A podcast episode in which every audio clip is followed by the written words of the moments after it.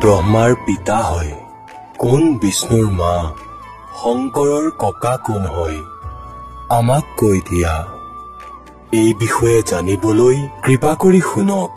জগতগুৰু তত্বদৰ্শী সন্ত ৰামপালজী মহাৰাজৰ অমৃত বচন সৰ্বপবিত্ৰ ধৰ্মৰ পবিত্ৰ শাস্ত্ৰৰ আধাৰত। যেনেকৈ তুলসীদাস চাহেবজীয়ে তুলসীদাসজীয়ে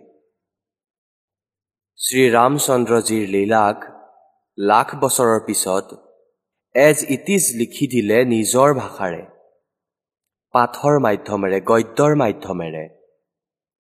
আৰু যিয়ে এনেকুৱা গৰীবদাস চাহেবজীক পৰমাত্মাই লগ পাইছিল চন সোতৰশ সাতাইছত গাঁও চোৰাণী জিলা জজ্জৰ হাৰিয়ানাৰ ভিতৰত। আৰু তাৰ পৰাই তেওঁৰ আত্মাক স্বচ্ছন্দ আৰু ওপৰৰ সকলো ব্যৱস্থা নিজৰ শক্তি সামৰ্থ্য নিজৰ সৎলোকত য'ত সেই মালিক থাকে তৃতীয় স্থানত এই সকলোৰে সৈতে পৰিচিত কৰাই তেওঁক পুনৰ এৰি দিছিল আৰু তেওঁৰ জ্ঞান যোগ খুলি দিছিল তেওঁক দিব্য দৃষ্টি দি দিছিল। তেওঁ ভৱিষ্যতৰ ঘটনাবোৰক গৰীবদাস চাহেবজীয়ে তাত বহি চাই চাই চলচ্চিত্ৰৰ দৰে চাই আছিল আৰু আৰু কৈ আছিল আৰু লিখাসকলে লিখি আছিল। সেই বাণীক দাসে আপোনালোকক শুনাইছো। ইয়াৰ ভিতৰত কিমান ধুনীয়া ব্যাখ্যা কৰা হৈছে रामानंद आनंद में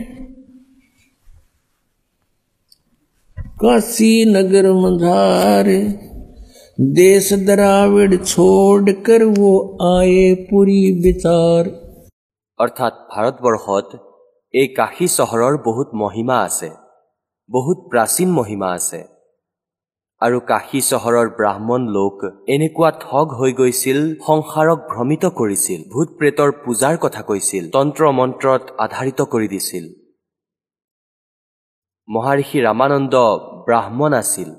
তেওঁ দেখিলে সেই পবিত্ৰ নগৰৰ অৱস্থা আৰু তেওঁ তাত আহি থকাৰ বিচাৰ কৰিলে যে এই লোকসকলৰ কিছু উদ্ধাৰ কৰোঁ উদ্ধাৰ কৰোঁ যে বুদ্ধি বিকশিত কৰোঁ। বেদ গীতা আৰু পুৰাণৰ আধাৰৰ পৰা তেওঁলোকক সাধনা কওঁ।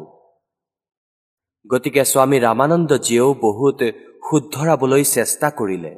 চৈধ্যশ শিষ্য বনাই ল'লে। ঋষিৰ বেদ আৰু পুৰাণৰ প্ৰচাৰ কৰা যেনেকুৱা জ্ঞান আছিল সেই জ্ঞান দিলে। এতিয়া ৰামানন্দজীও তালৈ আহিছিল। চৌৰাশী বন্ধন কটে কিনি কল্প কবীৰে। ভৱন চতুৰ্দশ লোকে চবিয়ে টুটে জম জঞ্জীৰ। अंत कोट ब्रह्मंड में बंदी छोड़ कहाए सो तो एक कबीर है जननी जने नवाए গৰীবদাস চাহেবে কৈ আছিল এজন কবিৰেই হয় যি মাৰ পৰা জন্ম হোৱা নাছিল अनंत कोट ब्रह्मंड में बंदी छोड़ कहाए অনন্ত কোটি ব্ৰহ্মাণ্ডৰ কেৱল বন্দী চোৰ বন্ধনৰ শত্ৰু অৰ্থাৎ পাপ কৰ্মৰ কটাজন কবিৰজী হয় और सो तो एक कबीर है जो जन्नी जने नमाए शब्द स्वरूप साहेब धनी शब्द सेंद सब माही बाहर भीतर रम रहा जहां तहां सब ठाई এতিয়া যেনেকৈ এই অজ্ঞানী লোকসকলে কৈ আছিল যে পৰমাত্মা নিৰাকাৰ হয় তেওঁ দেখা নিদিয়ে সেইকাৰণে তেওঁ অন্তৰ্জামী হয় যদি ভগৱান সাকাৰ হয় তেতিয়া অন্তৰ্জামী হ'ব নোৱাৰে। পুণ্যাত্মাসকল আজিৰ বিজ্ঞানৰ ফলত আমি এইটো সহজেই বুজি পাম যে অন্তৰ্জামীৰ পৰিভাষা কি হয়। যেনেকৈ এক্স ৰেৰ মেচিন বাহিৰত থাকে বাহিৰৰ পৰা কৰা হয় আৰু ইয়াৰ দ্বাৰা ভিতৰৰ বুকুৰ ভিতৰৰ সকলোবোৰ কথা জানি ল'ব পাৰে। ইয়াৰ দ্বাৰা বাহিৰৰ পৰাই সকলোবোৰ জানি ল'ব পাৰে যে ইয়াত কি কি ৰোগ আছে। আল্ট্ৰাচাউণ্ডৰ মেচিন সাকাৰ হয়। আৰু অন্তৰ্জামী হয় ভিতৰৰ সকলোবোৰ ৰোগ বিচাৰি লয় ক'ত ডিফেক্ট আছে। যেতিয়া এজন মানুহে বনোৱা এটা টেকনিক মানে এটা যন্ত্ৰ অন্তৰ্জামী হ'ব পাৰে ভগৱান যিয়ে মানুহ বনালে তেওঁ অন্তৰ্জামী হ'ব নোৱাৰে। তেওঁ এনেকুৱাই অন্তৰ্জামী হয় যে তেওঁৰ সেই পৰমাত্মাৰ শক্তি সৰ্বব্যাপক হয় পৰমাত্মা এক দেশীয় সাকাৰ হয়। अनंत कोट ब्रह्मांड का एक रति नहीं भारे। सतगुरु पुरुष कबीर हैं, ये कुल के सिरजनहारे जल तल पृथ्वी गगन में वो बाहर भीतर एक है। पूर्ण ब्रह्म कबीर है, वो अवगत पुरुष अलेख सेवक हो के उतरे, इस पृथ्वी के माही। जीव उदाहरण जगत गुरु बार बार बलि जाही এতিয়া আদৰণীয় গৰীবদাস চাহেবে কয় যে সেৱক হোকে উতৰে দাস হোকে আমাৰ মাজত এজন চাকৰৰ দৰে আছিল সেৱক হোকে অৱতাৰে তেওঁ তাৰ পৰা আহিছিল তললৈ আহিছিল গমন কৰি গতি কৰি सेवक हो के उतरे इस पृथ्वी के माही কি কাৰণত আহিছিল जीव उदाहरण जगत गुरु बार बार बलि जाही জীৱক উদ্ধাৰ কৰিবলৈ আহিছিল সেই জগতগুৰু সমস্ত সৃষ্টিক অকলেই জ্ঞান দিয়া সেই কবিৰ ভগৱান काशीपुरी कष्ट किया उतरे अदर अधारे मोमिन को मुजरा हुआ वहां जंगल में दीदारे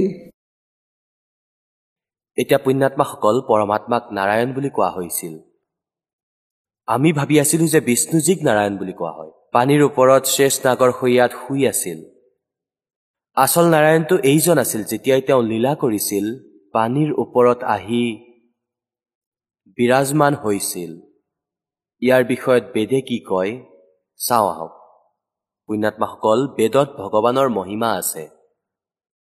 আৰু পৰমাত্মাই যি লীলা কৰে তেওঁৰ জীৱনী এই বেদত এই গ্ৰন্থত বিদ্যমান আছে। চাবচোন যজুৰ্বেদ। ইয়াৰ অনুবাদক হৈছে বেদ মূৰ্তি তপনিষ্ঠ পণ্ডিত শ্ৰীৰাম শৰ্মা আচাৰ্য। অনুবাদক এওঁ ইয়াৰ। সম্পাদক এওঁৱেই এই শ্ৰীৰাম শৰ্মাজী।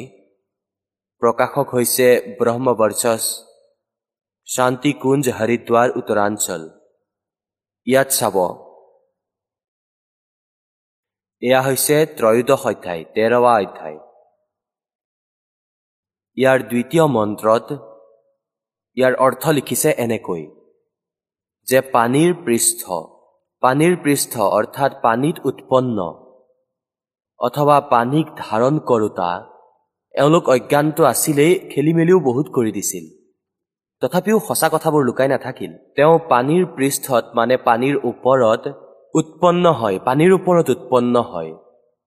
ইয়াক অনুবাদ কৰিব নাজানিলে। ইয়াৰ পৰা এইটোৱে বুজি লওক যে যেনেকৈ কোনো বিদেশীয়ে হিন্দী শিকে আৰু তেওঁ ৰামায়ণ লৈ যায় তেওঁ নিজৰ দেশলৈ ইয়াৰ পৰা।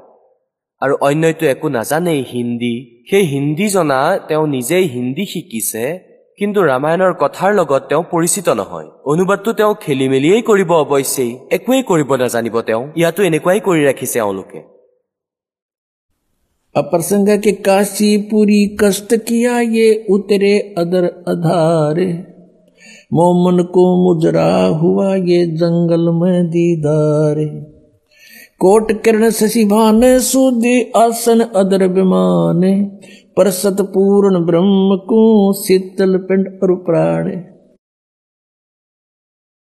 কোৱা হয় কৌটি কিৰণ শশীভান শুদ্ধ ইমান সুন্দৰ শৰীৰ পৰমাত্মাৰ কোৱা হয় আৰু পৰশুদ্ধ পূৰ্ণ ব্ৰহ্মকো শীতল পিণ্ড অৰ প্ৰাণ যেতিয়া সেই মায়ে পৰমাত্মাক শিশু ৰূপত কোচত ললে কোৱা হয় তেওঁৰ আত্মা আৰু শৰীৰ একেবাৰে শান্ত হৈ গ'ল। অৰ্থাৎ সকলো যি তাপ আছিল যি প্ৰভাৱ আছিল সংস্কাৰবশত সেই সকলোবোৰ একেবাৰে দূৰলৈ আঁতৰি গ'ল। ভগৱান তাত আহোঁতেই তেওঁ একেবাৰে বেলেগ আনন্দৰ প্ৰথম আনন্দটো এইটো যে তেওঁ এজন পুত্ৰ পালে। আৰু আকৌ ভগৱান যেনেকৈ বৰফ হয় বৰফৰ ওপৰত হাত ৰাখিলে ই নিজৰ প্ৰভাৱ দেখুৱাই এনেকৈ পৰমাত্মাই তাত তেওঁৰ নিজৰ প্ৰভাৱ দেখুৱাই আছিল। তেওঁৰ বিষয়ত গৰীব দাসজীয়ে কৈছে যে গোদলিয়া মুখ চুমে হেম ৰূপ জগৰ মগৰ কায়া কৰে পদম অনন্ত। ইমান সুন্দৰ শৰীৰ পৰমাত্মাৰ। কোচত ল'লে মুখত এটা চুমা খালে। মুখত চুমা খালে অৰ্থাৎ মুখত মৰম কৰিলে যেনেকৈ নিজৰ শিশুক মৰম কৰে। আৰু কয় যে হেম ৰূপ ঝলকন্ত পৰমাত্মাৰ ইমান সুন্দৰ শৰীৰ যেনেকুৱা হোৱাইট যেনেকৈ হিম মানে বৰফ হেম ৰূপ যেনেকৈ বৰফৰ দৰে সুন্দৰ বগা যেনেকৈ কোৱা হয় যেতিয়া কাপোৰ ল'বলৈ বজাৰলৈ যোৱা হয় তেতিয়া তেতিয়া কোৱা হয় যে স্ন' হোৱাইট দিব অৰ্থাৎ বৰফৰ দৰে বগা দেখাব तो कहते हैं हेम रूप झलकंत और जगर मगर काया करे जणु दम के पदम अनंत ইমান সুন্দৰ শৰীৰ মালিকৰ বহুতবাৰ দেখো কাৰোবাৰ বগা ৰং কোনো শিশুৰ ব্যক্তিৰ এনেকুৱা কোৱা হয় যে এওঁৰ ইমান সুন্দৰ শৰীৰ এওঁৰ মুখৰ সুন্দৰতাই বেলেগ এনেকৈ এই মুখ মালিকৰ এনেদৰেই উজ্জ্বলি আছিল काशी उमटी गुल भया मोमिन का घर घेरे कोई कह ब्रह्मा विष्णु है कोई कह इंद्र कुबेरे কোনোৱেতো এনেকুৱা কয় যে কোনো দেৱতা আহি আছে এনেধৰণৰ এনেকুৱা শিশুটো আমি কেতিয়াও দেখাই নাছিলো এনে শৰীৰ আছিল মালিকৰ। কিয়নো যজুৰ্বেদ অধ্যায় নম্বৰ চল্লিছৰ মন্ত্ৰ নম্বৰ আঠত এই পৰমাত্মাৰ এই শৰীৰৰ পৰিচয় দিয়া আছে যে কবীৰ মনীষী স্বপ্ৰয়াঘাত প্ৰয়াঘাত মানে প্ৰথম শৰীৰধাৰী হয় কিন্তু তেওঁৰ শৰীৰ প্ৰথম শৰীৰধাৰী হয়। আৰু তেওঁৰ শৰীৰ শুক্ৰম অকায়ম ঐশ্বৰাবীৰম স্বয়ম্ভু পৰিভু সেই পৰমাত্মাৰ শৰীৰ আমাৰ দৰে নাৰীৰ মাতা পিতাৰ সহযোগত শুক্ৰৰ দ্বাৰা সৃষ্ট নহয়। তেওঁৰ তেওঁৰ শৰীৰ নাৰী নোহোৱাকৈ কিন্তু আমাৰ দৰে এই পাঁচ ভৌতিক কায়াৰেই বনোৱা হয় স্বয়ম্ভু হয় তেওঁ। সেয়ে তেওঁৰ তেজ পূজৰেই শৰীৰ হয় মালিকৰ। তেওঁৰ বিষয়ে ইয়াত কৈছে কাশী উমতি কুল ভয়া দলে বলে আহিছিল কাশীৰ সকলো লোক কাশীৰ অৰ মন কা ঘৰ ঘেৰে আৰু মুছলমানৰ ঘৰটো ঘেৰি ললে कोई कह ब्रह्मा विष्णु है कोई कह इंद्र कुबेरे कोई कह वरुण धर्मराय है कोई कहत है ईश सोलह कला सुभान गति कोई कह जगदीश भक्ति मुक्ति ले उतरे ये मेटन तीनों ताप मोमिन का डेरा लिया उसको कहे कबीरा बाप কোৱা হয় যে ভক্তি আৰু মুক্তি লৈ নামি আহিছিল ভগৱান নিজৰ সৎলোকৰ পৰা গতি কৰি আহিছিল আৰু মেতন তিনো তাপ সেই মালিকৰ ভক্তিৰ পৰা তেওঁৰ দ্বাৰা দিয়া মন্ত্ৰৰ পৰা আমাৰ তিনিও তাপ নষ্ট হ'ব পাৰে বেদত বৰ্ণিত বিধিৰে হ'ব নোৱাৰে তেওঁ পঞ্চম বেদ দিবলৈ আহিছিল और मोमिन का डेरा लिया कहे कबीरा बाप এজন মুছলমানৰ ঘৰত জন্মৰ পৰাই বাস কৰিব ললে আহি বিৰাজমান হৈ গল তাতে থাকিবলৈ ধৰিলে আৰু পিছত দেউতা কবলৈ ধৰিলে নিৰুক দেউতা বাপু বাপুজী যি ভাষাই আছিল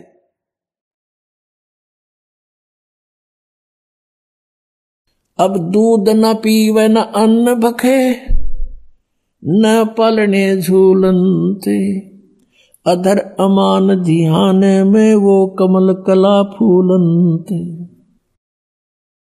এতিয়া চোৱা পৰমাত্মাৰ লীলা পুণ্যাত্মাসকল ছশ বছৰ আগতে লীলা কৰিছিল ভগৱান কবীৰ পৰমেশ্বৰে আৰু চন সোতৰশ সাতাইছত পৰমাত্মা প্ৰথমে তাত কাশীত লীলা কৰি গুচি গৈছিল চন পোন্ধৰশ ওঠৰত। আৰু চন সোতৰশ সাতাইছত তেওঁ আকৌ আহিল ইয়াত প্ৰায় দুশ বছৰৰ পিছত। সৎলোকৰ পৰা আহি তেওঁ গৰীব দাস চাহেবক লগ কৰি খেতিত গাঁও চোৰাণী জিলা জজ্জৰৰ জংঘলত আৰু সেই সময়তে গৰীব দাস চাহেবে এইটো বাণী কৈছিল মালিকৰ। সম্পূৰ্ণ জ্ঞান বুজি তেওঁৰ আশীৰ্বাদেৰেই দিব্য দৃষ্টি খুলি গ'ল। সেই সময়ত কি কৈছিল? সেই সময়তো একেই লীলা কৰিছিল পৰমাত্মাই। পৰমাত্মা আহিছিল আৰু কুমাৰী গাইৰ গাখীৰ খাইছিল। যেতিয়া গৰীব দাসজীক লগ কৰিছিল এনেকুৱাই লীলা কৰে সেই ভগৱানে যেতিয়া তেওঁ ইয়ালৈ আহে আলহীৰ ৰূপত থাকে আৰু লীলা কৰে এয়াই বেদে কয়। ঋগ্বেদ মণ্ডল নম্বৰ নৰ সুক্ত একৰ মন্ত্ৰ নত এয়াই প্ৰমাণ কৰা হৈছিল আগলৈ কৈ আছো दूध न पीवे न अन्न भखे न पलने झूलनते अधर अमान ध्यान में वो कमल कला फूलनते गरीब कोई कहे छल ईश्वर नहीं कोई किन्नर कहलाए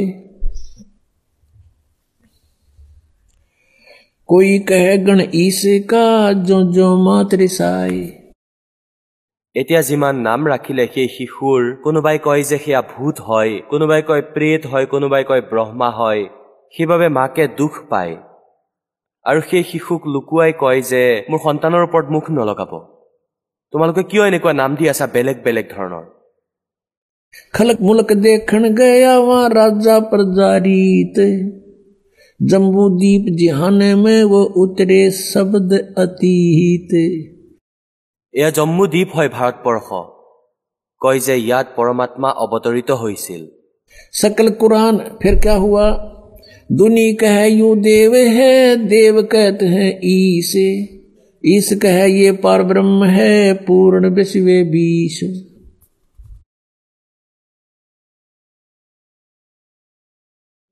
এতিয়া পুণ্যাত্মাসকল এতিয়া কি হৈছে যে যেতিয়া পৰমাত্মা পঁচিছ দিনৰ হৈ গ'ল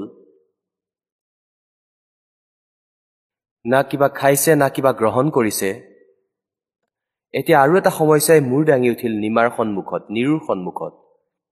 নিমাই কয় যে মই এই বালক মৰিলে হে ভগৱান লগতে ময়ো মৰিম। এই সন্তানটোতো মৰিয়েই থাকিব ই একো খোৱা বোৱাই নকৰে। দুদিন নাখালেই মাক দেউতাকৰ খোৱা লোৱা বন্ধ হৈ যায়। বহুত বেয়া ধৰণে কান্দি আছে। আৰু ভগৱান শংকৰক স্মৰণ কৰি আছে কাৰণ তেওঁ শংকৰৰ পূজাৰী হয় যদিও মুছলমান হৈ গৈছিল। আৰু কৈ আছিল যে হে ভগৱান হে ভগৱান শিৱজী হয়তো ইয়াক দিবই নালাগিছিলে আৰু এতিয়া দি পেলাই আকৌ লৈ যাব বিচাৰিছা? আপোনাৰ লীলা আচৰিত হয়। দিয়া নাছিলা তেতিয়া অপেক্ষা কৰি আছিলো কান্দি আছিলো কান্দি কান্দি সময় কটাই আছিলো। এতিয়া এই সন্তান মৰিব ময়ো লগতেই মৰিম। পিছৰ এদিনলৈ নাথাকিম মই। অন্ন পানী ত্যাগ কৰি দিম। হৃদয়েৰে যেতিয়া ভাবিলে তেতিয়া পৰমাত্মাই চালে যে এই বুঢ়ীজনী মৰি থাকিব। অন্তৰ্জামী কবিৰ চাহাব তাতেই বিৰাজমান আছিল। শিৱজীক প্ৰেৰণা কৰিলে। যে কোনে কান্দি আছে তোমালে মনত পেলাই। শিৱ ভগৱান আহিল তালৈ এজন সাধুৰ ৰূপ ধৰি। থিয় হৈ গ'ল সন্মুখত। মা কিয় কান্দি আছা? নিমাই কলে যে হে ভগৱান হে মহাত্মাজী মই বহুত দুখী বহুত দুখী মই। মোৰ দুখৰ কথা নুশুনিবা নহলে কান্দি দিবা। তেতিয়া তেওঁ কলে যে মা মা মোক কৈ দিয়া। নিজৰ দুখ কৈ দিলে মনটো পাতল হয়। আৰু মোৰ স্তৰৰ কোনো উপায় যদি আছে তেনেহলে মই অৱশ্যেই দিম। তেতিয়া মাকে সকলো কাহিনী কৈ দিলে। যে আগতে আমাৰ সন্তান নাছিল। আৰু এদিন ভগৱান শিৱই এই সন্তানটো আমাক দিলে। এনেকৈ কমলৰ পুষ্পত পাইছিলো। এতিয়া ই পঁচিছ দিনৰ হৈ গ'ল কিন্তু আজিলৈকে একোৱেই খোৱা নাই। এতিয়া ইও মৰিব আৰু ময়ো মৰি যাম লগতেই। এই আজিয়েই আমাৰ দুটা মৰাশ ঘৰৰ পৰা যাব। তেতিয়া ভগৱান শংকৰে যি সাধুৰ ৰূপত থিয় হৈ আছিল তেওঁ কলে যে চাওঁ তোমাৰ সন্তান ক'ত আছে? সন্তানক এনেকৈ উঠাই লৈ চালে যে ইমান সুন্দৰ শৰীৰ যেন এক লিটাৰ গাখীৰ খাই এই বালকে ইমান সুস্থ শৰীৰ। তেওঁতো অমৰ পৰমাত্মা আছিল। মাকে ভাবিছিল শ্ৰদ্ধাৰে সন্তানক জীৱনদান দিবৰ কাৰণে মহাত্মাৰ চৰণত দিব বিচাৰিছিল। এনেদৰে চৰণত দিব বিচাৰোতেই পৰমাত্মা আকাশলৈ উৰি গ'ল আকাশত ওপৰলৈ উঠি গ'ল আৰু শিৱৰ মূৰৰ সমানত আহি স্থিৰ হৈ গ'ল। তেতিয়া ভগৱান শিৱই সাধুৱে এনেকৈ হাত কৰিলে। তেওঁৰ কোলাত আহি গ'ল। তেতিয়া পৰমাত্মাই নৱজাত শিশুৱে পঁচিছ দিনৰ বালকে কলে যে মহাৰাজ মহাৰাজ তেওঁক কৈ দিয়া। শিৱজী কৈ দিয়া এওঁক যে এজনী কুমাৰী গাই লৈ আহক। তাইৰ ওপৰত নিজৰ হাত আশীৰ্বাদেৰে হাত বোলাই দিবা। তাই গাখীৰ দিব। এটা খালী বাচন লৈ আহিবা। কুমাৰৰ পৰা একেবাৰে নতুন এনেকুৱাই কৰা হৈছিল নিৰুক কলে যে নিৰু যোৱা তুমি।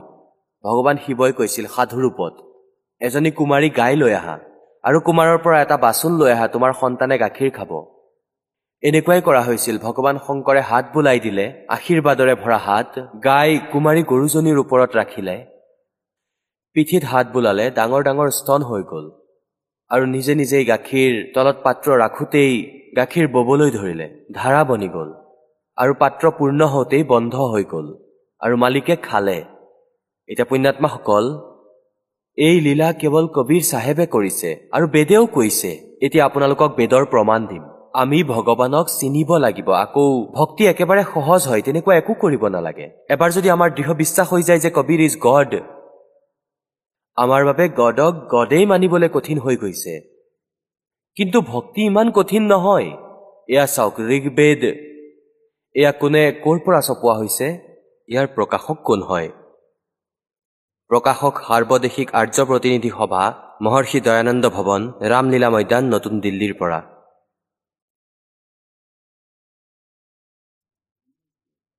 এয়া তেওঁৰ মুদ্ৰক হয় প্ৰিন্স অফছেট প্ৰিণ্টাৰ্ছ পোন্ধৰশ দহ পাতৌদি হাউচ দৰিয়াগঞ্জ নতুন দিল্লীৰ পৰা।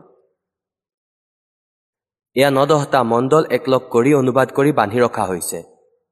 ঋগ্বেদ মণ্ডল নম্বৰ ন আৰু সুপ্ত একৰ প্ৰথম মন্ত্ৰত চোৱা।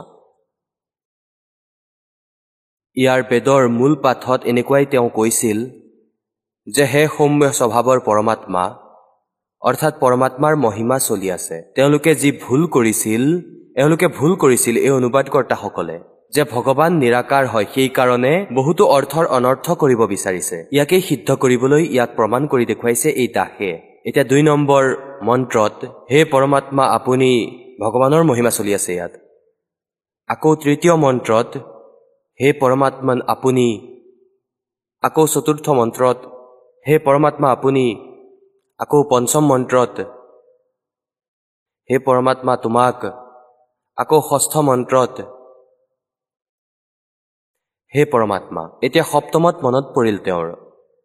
দয়ানন্দই নিৰাকাৰ বুলি কৈ আছিল আগতে। ইয়াত লিখা হৈছে এওঁৰ বিষয়ে। ইয়াত লিখি দিলে সেই পুৰুষক। ইয়াত লিখিব লাগিছিল এই পৰমাত্মাই। আকৌ চোৱা অষ্টমত লিখিলে ইয়াত লিখিলে সেই পুৰুষক। ইয়াত লিখিব লাগিছিল সেই পৰমাত্মাক সেই পৰমেশ্বৰক। এতিয়া এইটো কনচেপ্টটো ক্লিয়াৰ কৰোঁ। বৰ্তমানৰ ভিতৰত এই বেদৰ ঠিকাদাৰী এই আৰ্য সমাজে লৈ ৰাখিছে। আৰু মহৰ্ষি দয়ানন্দক এওঁলোকে মহান বিদ্বান বুলি ভাবে। এতিয়া বেদৰ অনুবাদ তেওঁৱেই কৰি ৰাখিছে। যদি দাসে কৰিলে হয় এওঁলোকে এইটো ক'লে হয় ৰামপালে সংস্কৃত নাজানে। তেওঁ সকলোবোৰ মিছা কয়। এই মহৰ্ষিটো বিদ্বান আছিল। এই আচাৰ্য বিদ্যৱান হয়। তেওঁ সংস্কৃত জানিছিল। তেওঁলোকৰ অনুবাদ শুদ্ধ হয়। এতিয়া দাসক কৃপা কৰিলে এই পৰমাত্মাই যে এওঁলোকৰ বুদ্ধি ঘূৰাই দিলে যেতিয়া অনুবাদ কৰিছিল। তথাপিও এওঁলোকে সত্য লুকুৱাই ৰাখিব নোৱাৰিলে। অ গাৰ্ডেৱা এতিয়া দয়ানন্দৰ শব্দত দেখুৱাই আছো পুৰুষ মানে কি হয়? চাওক এইখন এখন কিতাপ হয় মহৰ্ষি দয়ানন্দ সৰস্বতী কৃত্য ঋগ্বেদ আদি ভাষ্য ভূমিকা। ইয়াৰ নাম হৈছে এইটো। ঋগ্বেদ নহয় এইখন। ঋগ্বেদ আদি ভাষ্য ভূমিকা এই কিতাপখনৰ নাম। আৰু এয়া ইয়াৰ পৰা প্ৰকাশিত হয়। সাৰ্বদেশিক আৰ্য প্ৰতিনিধি সভা মহৰ্ষি দয়ানন্দ ভৱন তিনি পাঁচ আছফ আলী ৰোড নতুন দিল্লী। এতিয়া ইয়াৰ এশ পঁচিছ নম্বৰ পৃষ্ঠাত আপোনালোকক দেখুৱাই আছো। এয়া হৈছে এশ পঁচিছ পৃষ্ঠা। এয়া হৈছে সৃষ্টি বিদ্যা বিষয় সংক্ষেপ্ত এতিয়া ইয়াত ইয়াত কিছু অনুবাদ কৰিব বিচাৰিলে এওঁ ভাষাৰ্থত আছে যে পুৰুষ মানে যত পুৰুষ এয়া সংস্কৃতৰ হয়। পুৰুষ তাক কোৱা হয় যি সৰ্বশক্তিমান ঈশ্বৰ কোৱা হয়। বুজিব পাৰিছে আপোনালোকে? পুৰুষ মানে পৰমেশ্বৰ সৰ্বশক্তিমান প্ৰভু। পুৰুষ তাকেই কোৱা হয় ইয়াৰ শব্দত। আমি আকৌ আহিছোঁ ঋগ্বেদৰ সেই মণ্ডলতেই। ঋগ্বেদ মণ্ডল নম্বৰ ন সুপ্ত নম্বৰ এক মন্ত্ৰ নম্বৰ আঠ আৰু নত। ইয়াত তেওঁ পুৰুষ লিখি দিলে আৰু পুৰুষৰ অৰ্থ পৰমেশ্বৰেই হয় চাওক। এই ঋগ্বেদ আমি আকৌ পঢ়ি আছো। সেইখনেই অলপ আগতে যিখন আপোনালোকক দেখুৱাইছিল এয়া সেইটো মণ্ডলেই। ঋগ্বেদ মণ্ডল নম্বৰ ন সুক্ত নম্বৰ এক। এতিয়া মন্ত্ৰ নম্বৰ ছয়লৈকেতো লিখি দিলে পৰমাত্মা। আৰু আগলৈ তেওঁ ভাবিলে যে এইটো বেয়া কথা হৈ গ'ল। আগতে আৰম্ভ কৰি দিছিল সেই পুৰুষত সেই পৰমেশ্বৰক। এয়া চাওক অষ্টমত। সেই পুৰুষক উগ্ৰ গতিয়ে প্ৰেৰণা কৰে। আৰু ভাসমান শৰীৰক ভাসমান শৰীৰক অৰ্থাৎ বহুত সুন্দৰ তেজময় শৰীৰক সেই পুৰুষ মানে সেই পৰমাত্মা যেনেকৈ দয়ানন্দজীয়ে কৈছিলে পুৰুষ মানে পৰমাত্মা সেই পৰমাত্মা প্ৰাপ্ত হয় আকৌ নিৰাকাৰ ক'ত আছিল ভগৱান? ইয়াত নিৰাকাৰ নিৰাকাৰ বুলি কৈ থাকে। ইয়াত চাব। আৰু আকৌ ইয়াত এয়াও নিৰ্ণয় দিয়া হৈছে ইয়াত শৰীৰ ধাৰণ কৰা হয় য'ত তিনি প্ৰকাৰ। দ্বিতীয়ক বাৰণ কৰাসকল মধুময় শৰীৰ পোৱা যায়। এতিয়া ইয়াত চাব। নৱম ঋগ্বেদ মণ্ডল নম্বৰ ন সূক্ত নম্বৰ এক মন্ত্ৰ নম্বৰ নত এই মূল পাঠত শিশুম বুলি কোৱা হৈছে। শিশুম শিশু বালক ৰূপত। অভি অধন্যা অভি ইমম অধন্যা এতিয়া আমি ইয়াৰ পৰা পঢ়িম। সেই সৌম্য স্বভাৱৰ শ্ৰদ্ধালু পুৰুষক সৌম্য মানে পুৰুষ মানে পৰমাত্মাক সেই অমৰ পুৰুষক। শিশুম মানে শিশুৰূপ ধাৰণ কৰি যি প্ৰকট হয় অভি অধন্যা অধন্যা মানে বিনা ধন মানে কেতিয়াও বিবাহ হোৱা নাই মানে তেওঁক তাৎসু কৰা নাই সাৰে বলধহে এতিয়া ইয়াত কোৱা হৈছে অভি অধন্যা মানে পূৰ্ণৰূপেৰে ধনবিহীন অভি মানে পূৰ্ণৰূপেৰে সকলো প্ৰকাৰেৰে অধন্যা মানে কুমাৰী অভি অধন্যাৰ অৰ্থ হৈছে কুমাৰী ধেনু মানে গাই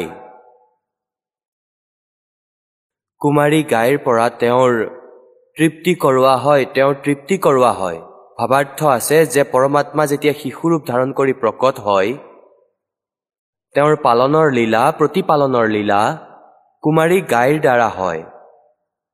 বুজি পাইছে? ইমানেই যথেষ্ট।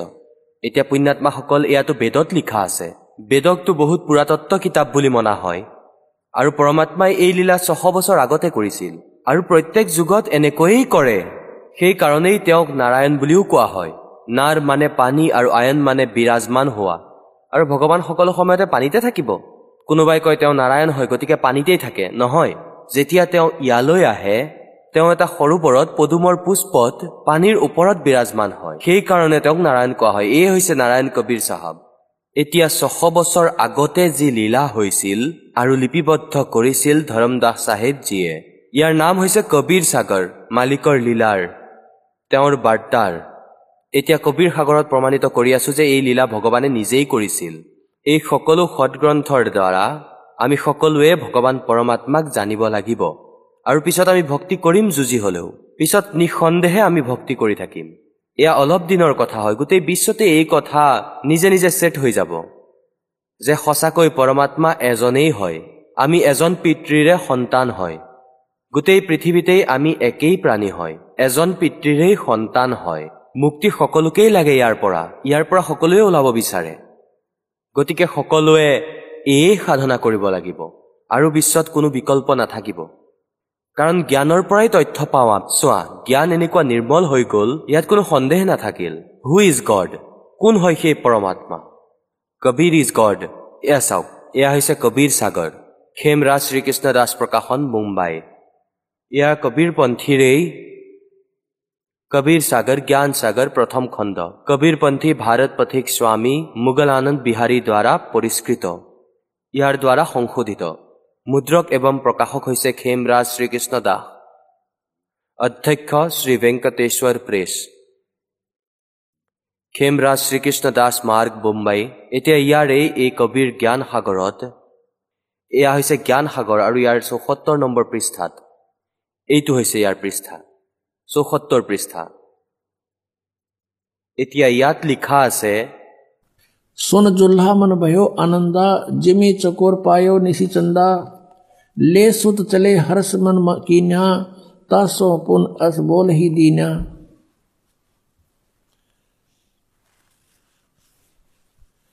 सुत काशी को ले चले लोग देखण ते आव সেয়াই গৰীবদাস চাহেবে লিখিছিল আৰু কবিৰ সাগৰতো লিখিছিল अन पानी बखे नहीं जुल्हा शोक बनावे तब जुल्हा मन कीन तिवाना रामानंद सो कही उत्पाना, मैं सुत पायो बड़ गुणवंता, कारण कौन बखे नहीं संता। रामानंद ध्यान तब धारा जुल्हा सो तब वचन उचारा। पूर्व जन्म में ते ब्राह्मण जाति, और हरि सेवा किन्नी किन्नी सी बलभाती। कुछ तुम सेवा हर की चूका ताते भयो जुल्हा का रूपा प्रीति प्रभु गही तोर लीनी ताते उद्धान में सुत तो दीना এতিয়া নিৰূপ ক'লে যে তুমি আগৰ জন্মত ব্ৰাহ্মণ আছিলা ৰামানন্দজীৰ ওচৰলৈ গ'ল যে মোৰ সন্তানে ভোজনো কৰা নাই অলপো গাখীৰো খোৱা নাই কোনো সমাধান কওক স্বামীজী কোনো সমাধান কওক তেতিয়া কাৰণ ক'লে যে তুমি আগৰ জন্মত ব্ৰাহ্মণ আছিলা কোনো ভুল কৰিছিলা কোনো পাপ কৰিছিলা যাৰ কাৰণে তুমি ধুবি হৈ গ'লা তেতিয়া তেওঁ ক'লে যে মালিক যি হ'ল সেয়া হ'ল हे प्रभु दस की नो तस पायो मैंने तो किरा सो भर लिया आरत हो तू दर्शन आयो सो कहिए उपाय गुसाई बालक अक्सुधावंत कुछ खाई এনেকুৱা এটা বিধি কোৱা যাৰ পৰা মোৰ শিশুৱে কিবা খাব रामानंद अस- उक- युक्ति विचारा तुम सुत कोई ज्ञानी अवतारा बचिया जाही बैल नहीं लागा सोले ठा- ठाड करो ते आगा ৰামানন্দজীয়ে কৈ আছে তোমাৰ পুত্ৰ কোনো সাধাৰণ ব্যক্তি নহয় তেওঁ আগৰ জন্মৰ কোনো বিদ্বান পুৰুষ হয় সেইবাবেই এওঁৰ আগৰ জন্মৰ জ্ঞান আছে।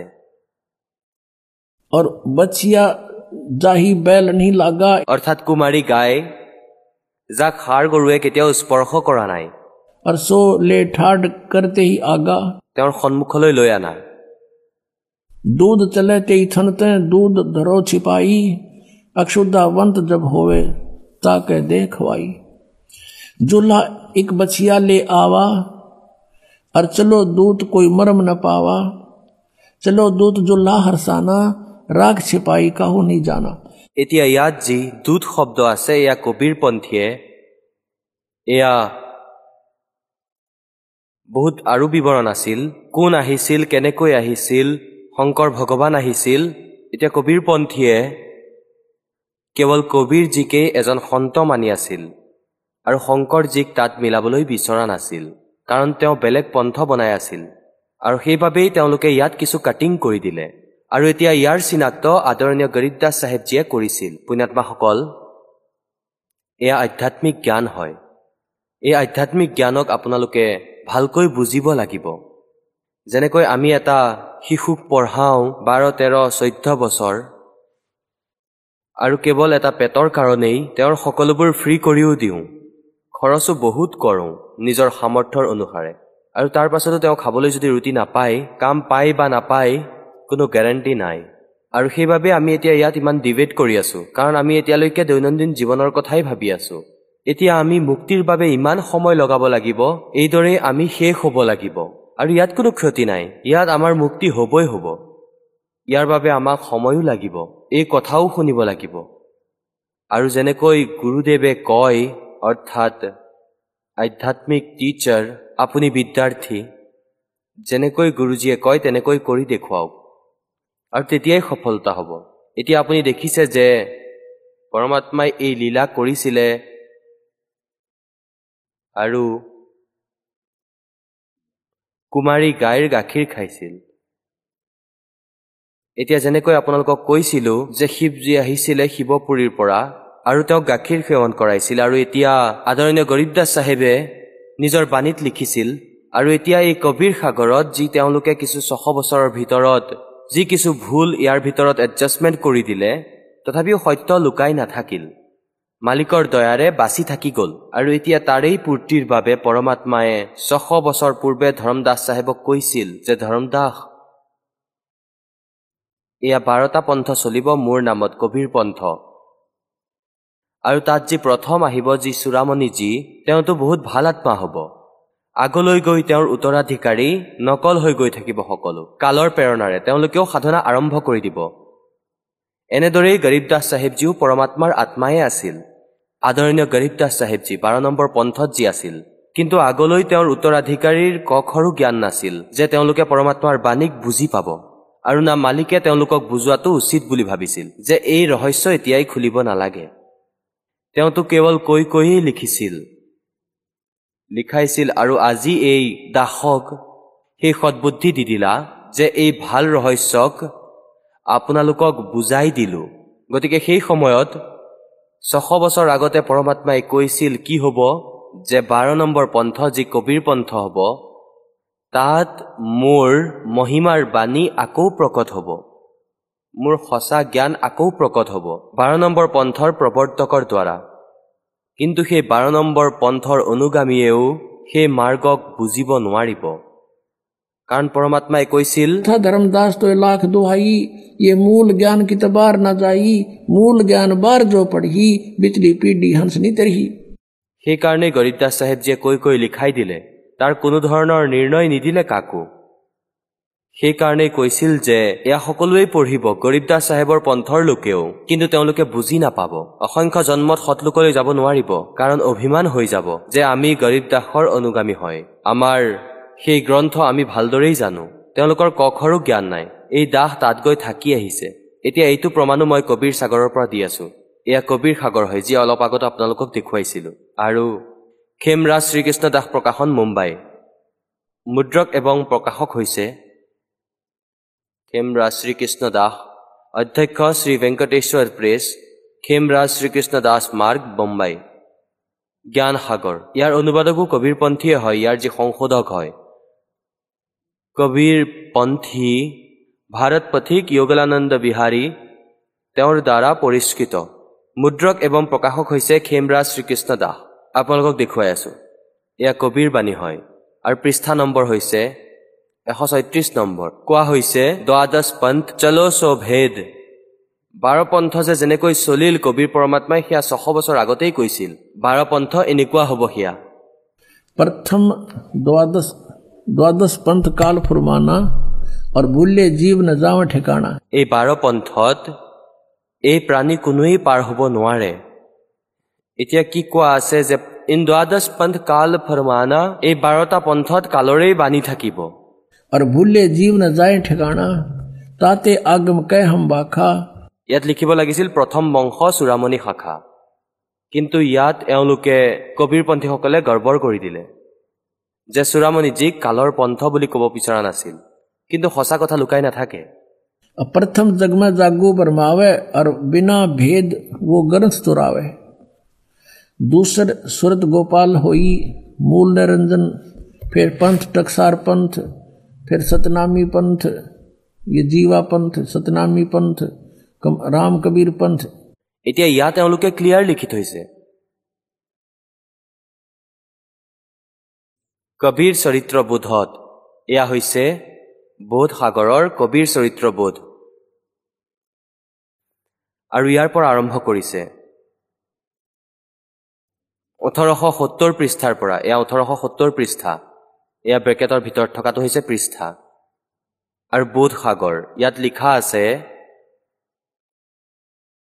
যে কবিৰ চাহেবৰ পন্থৰ বৃত্তান্ত নাৰায়ণ দাসৰ পন্থ। এই নাৰায়ণ দাস কবিৰ পন্থত নাই। এওঁতো শ্ৰীকৃষ্ণৰ পন্থত আছিল। ইয়াত আছিল চূড়ামণি পন্থ। তেওঁ জানি বুজি কাটি দিছিল। জাগো দাসজীৰ পন্থ জাগু পন্থ। ইয়াগু ক জাগু কোৱা আৰু তৃতীয় সুৰত গোপাল আৰু চতুৰ্থ মূল নিৰঞ্জন আৰু পঞ্চম তক্সাৰ পন্থ পিছত ভগৱান দাসজী পন্থ সপ্তম সতনামী পন্থ কমালীয় পন্থ ৰাম কবিৰ পন্থ দ্বাদশত আছে গৰীব দাস পন্থ এই চোৰাণীৰ যি গৰীব দাস আছিল তেওঁ তেওঁ বাৰ নম্বৰ পন্থত আছিল। এতিয়া আকৌ আমি ইয়ালৈ আহিছো। এতিয়া আকৌ আহিছো কবিৰ বাণীৰ এশ ছয়ত্ৰিশ নম্বৰ পৃষ্ঠা কবিৰ সাগৰত। আকৌ চাওঁ। দ্বাদশ পন্থ চলো ভেদ। এতিয়া আমি ইয়ালৈকে আহোঁ। প্ৰথম জাগুৰ দ্বিতীয় সুৰত গোপাল তৃতীয় মূল নিৰঞ্জন আৰু আৰু এয়া চতুৰ্থ। আৰু পঞ্চম তক্সাৰ পন্থ। লাহে লাহে আমি ইয়াত আহিছো। আকৌ তাৰ পাছত সতনামী পন্থ ৰাম কবিৰ পন্থ আকৌ জ্ঞানী পন্থ আকৌ পিছত দশমত যেনেকৈ ইয়াত লিখা আছে পৰম ধামী পন্থ। আৰু এয়া হৈছে দ্বাদশ। সম্বত সোতৰশ পঁচত্তৰ হৈ এয়া সোতৰশ চৌসত্তৰ হয় কিয়নো সম্বত সোতৰশ চৌসত্তৰৰ চন হৈছে সোতৰশ সোতৰ তেতিয়া গৰীব দাসজীৰ জন্ম হৈছিল এয়া যি বাৰ নম্বৰ পন্থ আছিলে সেয়া গৰীব দাসৰ পন্থ আৰু এতিয়া সেয়া সম্বত সোতৰশ চৌসত্তৰ বুজক ইয়াত লিখা আছে পঁসত্তৰ হয় ता दिन प्रेम प्रगटे जग सोई आज्ञा रहे ब्रह्म बोध लावे कोली चमार स- सबके घर खावे साख हमारी ले जीव समझावे और असंग जन्म ठोड़ नहीं पावे গৰীব দাসৰ বাণীৰ পৰা এয়া বুজাব অসংখ্য জন্ম তেওঁ নিজৰ ঠিকনালৈ যাব নোৱাৰিব বাৰ নম্বৰ পন্থত প্ৰকট হ'ব বাণী গৰীব দাসজীৰ দ্বাৰা দ্বিতীয়বাৰৰ বাবে মোৰ মহিমাৰ বাণী আকৌ প্ৰকট হ'ব যি কবিৰ সাগৰত ত্ৰুটি হৈ গৈছিল ইয়াৰ পুনৰাবৃত্তি কৰি দিব লাগিব बारहवें पंथ प्रगट हो वाणी शब्द हमारे की निर्णय ठाणी এই গৰীব দাস পন্থৰসকলে আমাৰ বাণীৰটো নিৰ্ণয় কৰিবলৈ চেষ্টা কৰিবই लेकिन अस्थिर घर का गर मरम नहीं पावे और ये बारह पंथ हम ही को जावे साख हमारी लिए जीव समझावे এই গৰীব দাস পন্থ বোলে আন হয় और कहते हैं असंख्य जन्म वो छोड़ नहीं पावे অসংখ্য জন্মলৈ যাব নোৱাৰে এই গৰীব দাসৰ পন্থ আৰু সেই নকল যি কবিৰ পন্থী আছে সেই সকলো फिर कहते हैं बारहवें पंथ हम ही चल आवे আৰু বাৰ নম্বৰ পন্থত আগলৈ গৈ যি বাণী প্ৰকট হ'ব তাৰ পাছত এই সকলো পন্থ নাইকিয়া হৈ এটাই পন্থ চলিব এতিয়া দাসক পঠাই দিলে এই দাস গৰীব দাসৰ পন্থৰ লগত সম্বন্ধিত আছিল আৰু বাৰ নম্বৰ পন্থত তেওঁ নিজে অহা নাছিল পৰমাত্মা তেওঁ দাসক পঠাই দিলে আৰু সেই শক্তিয়ে দি দিলে কামটো সেই তাকেই কৰি আছে মালিকে দ্বাদশ পন্থত আমি আহিম আৰু পিছত আহি আমি সেইবোৰেই দেখিম সকলোকে এটা পন্থ বনাই দিম। সকলোৰে জ্ঞানৰ আধাৰত বুজি যাব। তব লগ বৌদ্ধ কুৰি ফিৰ তুম বৌদ্ধ ৰাজ দৰবাৰা। প্ৰথম চৰণ কলিযুগ নিৰাণা তব মঘৰ মাণ্ডো কোৱা হ'ব কলিযুগৰ প্ৰথম শৰণ সেইটোৱেই হ'ব মই স শৰীৰে যাম। প্ৰথম চৰণ কলিযুগৰ তিনিটা চৰণ কৈছে কলিযুগৰ। এতিয়া বিচৰাচৰণ চলি আছে। ये प्रथम चरण कलयुग निर- निराणा और तब मगर मांडो मैदाना धर्म राय सो मांडो बाजी तब धर बोधो पंडित काजी अब यहां जाता है पांच हजार पांच सौ पांचा तब ये शब्द होगा साचा পাঁচ হাজাৰ পাঁচশ পঁচপন্ন বছৰ যেতিয়া পাৰ হ'ব কলিযুগৰ তেতিয়া এয়া ওলাই আহিব চন দুহেজাৰ ছয়ত বুজি লওক এয়া সঁচা হৈ গ'ল। আৰু আজি এই দুহেজাৰ এঘাৰ চলি আছে এতিয়া। এতিয়া ইয়াৰ কাৰণ কি আছিল? যেতিয়া কলিযুগৰ পঁচপন্নশ পাঁচ বছৰ গুচি যাব সেই সময়ত আজিৰ মোৰ এই কোৱা বাণী চন তেৰশ আঠান্নব্বৈৰ পৰা পোন্ধৰশ ওঠৰৰ মাজত কোৱা এই বাণী যি বাণী পৰমাত্মাই কৈছিল পৰমাত্মাৰ বচনত যে সেয়া সেই সময়ত সঁচা হ'ব আজি নহ'লেও আজি কোনেও বিশ্বাস নকৰিব ইয়াৰ ওপৰত। সেই সময়ত এয়া সঁচা হ'ব যি মই আজি কৈ আছো और तब तक कहा धर्मदास तो लाख दुहाई ये मूल ज्ञान कहीं बार न जाई এয়া চাব ইয়াত আগলৈ धर्मदास मोरी लाख दुहाई पांच हजार पांच सौ पांचा तब ये शब्द होगा साचा ইমান সময় কলিযুগৰ যেতিয়া গুচি যাব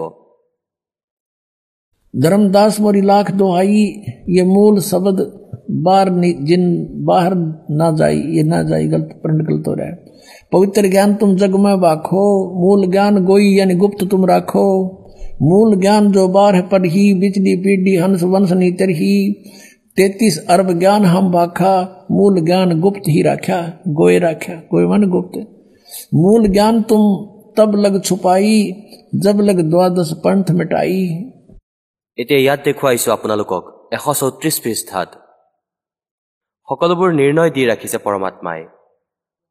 কবিৰ বাণী এশ চৌত্ৰিশ পৃষ্ঠা। এতিয়া ইয়াত কোৱা হৈছে তেৰ বংশ। বাৰটো আছিল যি এই কালৰ জালত থাকি গৈছিল। প্ৰথম বংশ উত্তম। এয়া হৈছে নাৰায়ণ মানে চূড়ামণিজী দ্বিতীয় জাগু তৃতীয় আকৌ চতুৰ্থ আকৌ পঞ্চম। এতিয়া ইয়ালৈ আহি যাওঁ দ্বাদশ বংশ দ্বাদশ গৰীবদাস চাহেবৰ। बर में वंश प्रगट हो उजियारा মানে দ্বাদশ পন্থত মোৰ মহিমাৰ বাণীৰ পৰাই মই আকৌ উজ্জ্বল হ'ম ক্লিয়াৰ নহ'ব তেওঁলোকৰ और कहते हैं तेर में वंश मिटे सकल अंधियारा তেৰ নম্বৰ বংশত আহিব মোৰ দাস কোৱা হয় সকলো অজ্ঞানতা এৰুৱাই দিব এওঁ সকলো অন্ধকাৰ আঁতৰাই দিব और एती दगा काल समाई और तत् बिंदु की टेक रह जाई কালে ইমান খেলি মেলি কৰিব তথাপিও তত্ত্ব জ্ঞানৰ অস্তিত্ব থাকি যাব অৰ্থাৎ সেই সময়লৈকেহে ইয়াক লুকুৱাই ৰাখিব লাগিব এয়া ত্ৰয়োদশ বংশ এই দাসৰ পিনেই সংকেত দিছে বুজি পাইছে तेर में वंश मिटे सकल अंधियारा এতিয়া সকলো খেলি মেলি সকলো অজ্ঞানতা আঁতৰি যাব नौ मन सूत उरजिया ऋषि रहे जख मारे सतगुरु ऐसा सुलझा दे उलझन दूजी बार এতিয়া আপোনালোকক যি প্ৰসংগ দাসে প্ৰমাণ কৰিব বিচাৰিছিল যে পৰমাত্মা যেতিয়া আহে তেতিয়া তেওঁ এনেধৰণৰ লীলা কৰে আৰু সেই লীলা কোনে কৰিছিলে কবিৰ পৰমেশ্বৰজীয়ে যাৰ বেদে গুণগান কৰে परमात्मा ने कहा था वेद मेरा भेद है पर मैं ना वेदन के माही और जौन वेद से मैं मिलूं ये वेद जानते नहीं বেদে মোৰ মহিমাৰ গুণগান কৰি আছে আৰু ব্ৰহ্মৰ উৎপত্তি মই কৰিছো। আৰু এই বেদে মোৰ মহিমাই বঢ়াই আছে। আপোনালোকক আৰু অলপ বেদ দেখুৱাই আছো এতিয়া। পুণ্যাত্মাসকল আমি পৰমাত্মাক জানিব লাগিব। এয়া চাওক ঋগবেদ। এয়া ঋগবেদ হয়। এয়া দেখুৱাই আছো ক'ৰ পৰা হয় এয়া? এয়া ইয়াৰ পৰা প্ৰকাশিত হয়। প্ৰকাশক পণ্ডিতা ৰাকেশ ৰাণী আৰু ইয়াৰ পৰা চপোৱা হৈছে প্ৰধান কাৰ্যালয় বেদ মন্দিৰ মহাত্মা বেদ ভিষু সেৱাশ্ৰম লেখ ৰামনগৰ ইব্ৰাহিমপুৰ মুখমেলপুৰ দিল্লী দয়ানন্দ সংস্থান ইয়াত দশম মণ্ডল নম্বৰ দহ আৰু সুপ্ত নম্বৰ ফৰ্টি নাইন ঊনপঞ্চাছত প্ৰথম মন্ত্ৰতেই লিখা আছে। এয়া চাব। ঋগবেদ মণ্ডল নম্বৰ দহ সুপ্ত নম্বৰ ঊনপঞ্চাছ। এয়া ঊনপঞ্চাছৰ প্ৰথম মন্ত্ৰ। এই প্ৰথম মন্ত্ৰত লিখা আছে পৰমাত্মাই কৈছে মই স্তুতি কৰাসকলক যি সত্য সাধনা কৰে তেওঁলোকক সনাতন ঐশ্বৰ্য নিবাস যোগ লোক মুক্তি তথা জ্ঞান প্ৰদান কৰোঁ। মই স্তুতি কৰাসকলক সনাতন ঐশ্বৰ্য মানে যি সদায় থাকে কেতিয়াও নাশ নহয়। মোক্ষ নিবাস যোগ লোক মানে সতলোক পূৰ্ণ মুক্তি তথা জ্ঞান প্ৰদান কৰোঁ। অহম ব্ৰহ্ম। ক্ৰণৱম মই ব্ৰহ্ম ব্ৰহ্ম নহয় মই ব্ৰহ্মক উৎপন্ন কৰিলোঁ ইয়াত বেদ লিখি দিলে। ব্ৰহ্মৰ অৰ্থ বেদ নহয়। ৰজাৰ অৰ্থ বিধান নহয় সংবিধান নহয়। মই ব্ৰহ্মক উৎপন্ন কৰোঁ কালৰ উৎপত্তি মই কৰোঁ ব্ৰহ্মৰ। আৰু যি বেদত মহিমা আছে সেই বেদে মোৰ মহিমাৰ বৃদ্ধিয়েই কৰে। যজ্ঞদান সৎসংগ কৰা লোকক সৎমাৰ্গত আদেশ কৰাজন ময়েই হয়। অৰ্থাৎ তোমালোকক পথো ময়েই দেখুৱাওঁ যি মোৰ শৰণলৈ আহে। আৰু বেদে মোৰ মহিমাৰেই গুণগান কৰি আছে। আৰু এতিয়া কি কোৱা হয় এয়া সকলোবোৰ প্ৰমাণ হৈ গ'ল। যে কবীৰ পৰমাত্মা বেদত লিখা আছে যে পৰমাত্মাই কয় যে মোৰ ৰহস্য আছে বেদত সম্পূৰ্ণ আৰু ব্ৰহ্মৰ উৎপত্তি ময়েই কৰিলোঁ কালৰ। আৰু এই কথাই মই নিজৰ সেই সূক্ষ্ম বেদত ছশ বছৰ আগতেই কৈছিলোঁ যে বেদ মেৰা ভেদ হে মে না বেদন কে মাহি। মানে এই বেদত মোৰ পোৱাৰ বিধি নাই কিন্তু মহিমা মোৰেই আছে সকলো। এতিয়া এই দাস আকৌ সেই টপিকলৈকে আহে যে আদৰণীয় গৰীবদাস চাহেবৰ যি বাণী প্ৰকট হ'ল তেওঁ ইয়াৰ পূৰ্তি কৰে। কবিৰ সাগৰতো লুকাই নাথাকিল এই কথা। তেওঁ কৈছিলে যে ৰামানন্দজীয়ে কৈছিলে নহয় দূত শব্দ মাজতহে আছিল। তেওঁৰ জ্ঞাত নাছিল যে কোন আছিল। ভগৱানে পঠোৱা কোনো দূত আহিছিল। তেওঁ কৈছিল যে কুমাৰী গাইক হাত বোলাই দিয়া। তেন্তে ইয়াত ৰামানন্দজীয়ে কৈছিল যে তেওঁক কবিৰ সাগৰত লিখা আছে যে পোৱালীজনী যাক সাৰগৰুৱে চোৱা নাই সেইজনী গায়ানা যি আনটাচ হয় কুমাৰী হয় আৰু ইয়াত কি কয় গৰীব দাসজীয়ে শিৱ উতৰে শিৱ পুৰিছে অৱগত বদন বিনোদে মেকে কমল খুচি বহে লিয়া ইচ কোগোদে সেই পৰমাত্মাক কোলাত লৈ লৈছিল ভগৱান শিৱজীয়ে শিৱ নামি আহিছিল শিৱপুৰীৰ পৰা। শিৱপুৰীৰ পৰা নামি আহে আৰু তাত সেই শিশুক কোলাত লৈছিল। নজৰ নজৰ কিয়া প্ৰণামে ধন মোমেন ধন পূৰ্ণা য়ে ধন কাশী দুয়ো ভগৱানৰ যেতিয়া ইজনৰ চকু সিজনত পৰিল তেতিয়া শিৱজীয়ে বুজি পালে যে এয়া কোনো পৰম শক্তি হয় সিদ্ধ পুৰুষ হয়। ইমান এইখিনি জ্ঞানো নাছিল যে তেওঁ কোন আছিল। আকৌ যেতিয়া পৰমাত্মাই আদেশ দিলে ক'লে শংকৰ ভগৱানক যে এনেধৰণে এনেধৰণে কোৱা যে এজনী কুমাৰী গাই আনা আৰু তাৰ ওপৰত আপুনি আপোনাৰ হাতখন বোলাই দিব। গ্ৰীবদাসজী কেতে আন বেয়াৱৰ দুহত হে? দুধ দিয়া তৎকালে পিৱে বালক ব্ৰহ্মগতি দয়াল। ইয়াৰ পৰা প্ৰমাণ হৈ গ'ল যে কবিৰ সাগৰত কৈ আছে। কবিৰ চাহেবৰ যি লীলা সেয়া পুৰাতন হয়।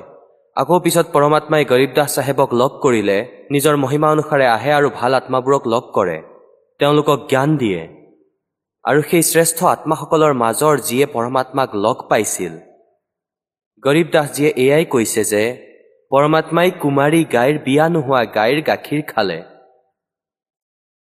এতিয়া এই কনচেপ্ট ক্লিয়াৰ কৰিব বিচাৰিছে এই দাসে যে কবীৰ ইজ গড সকলো সদগ্ৰন্থই তেওঁক সমৰ্থন কৰি আছে আৰু চকুৰে দেখা সন্তয়ো কৈছে गरीबदास जी कहते हम सुल्तानी नानक तारे दादू को उपदेश दिया जात जुलाहा भेद न पाया काशी माहे कबीर होया ये अनंत कोट ब्रह्मांडे का एक रति नहीं भार सतगुरु पुरुष कबीर हैं ये कुल के सिरजनहार बोलो सतगुरुदेव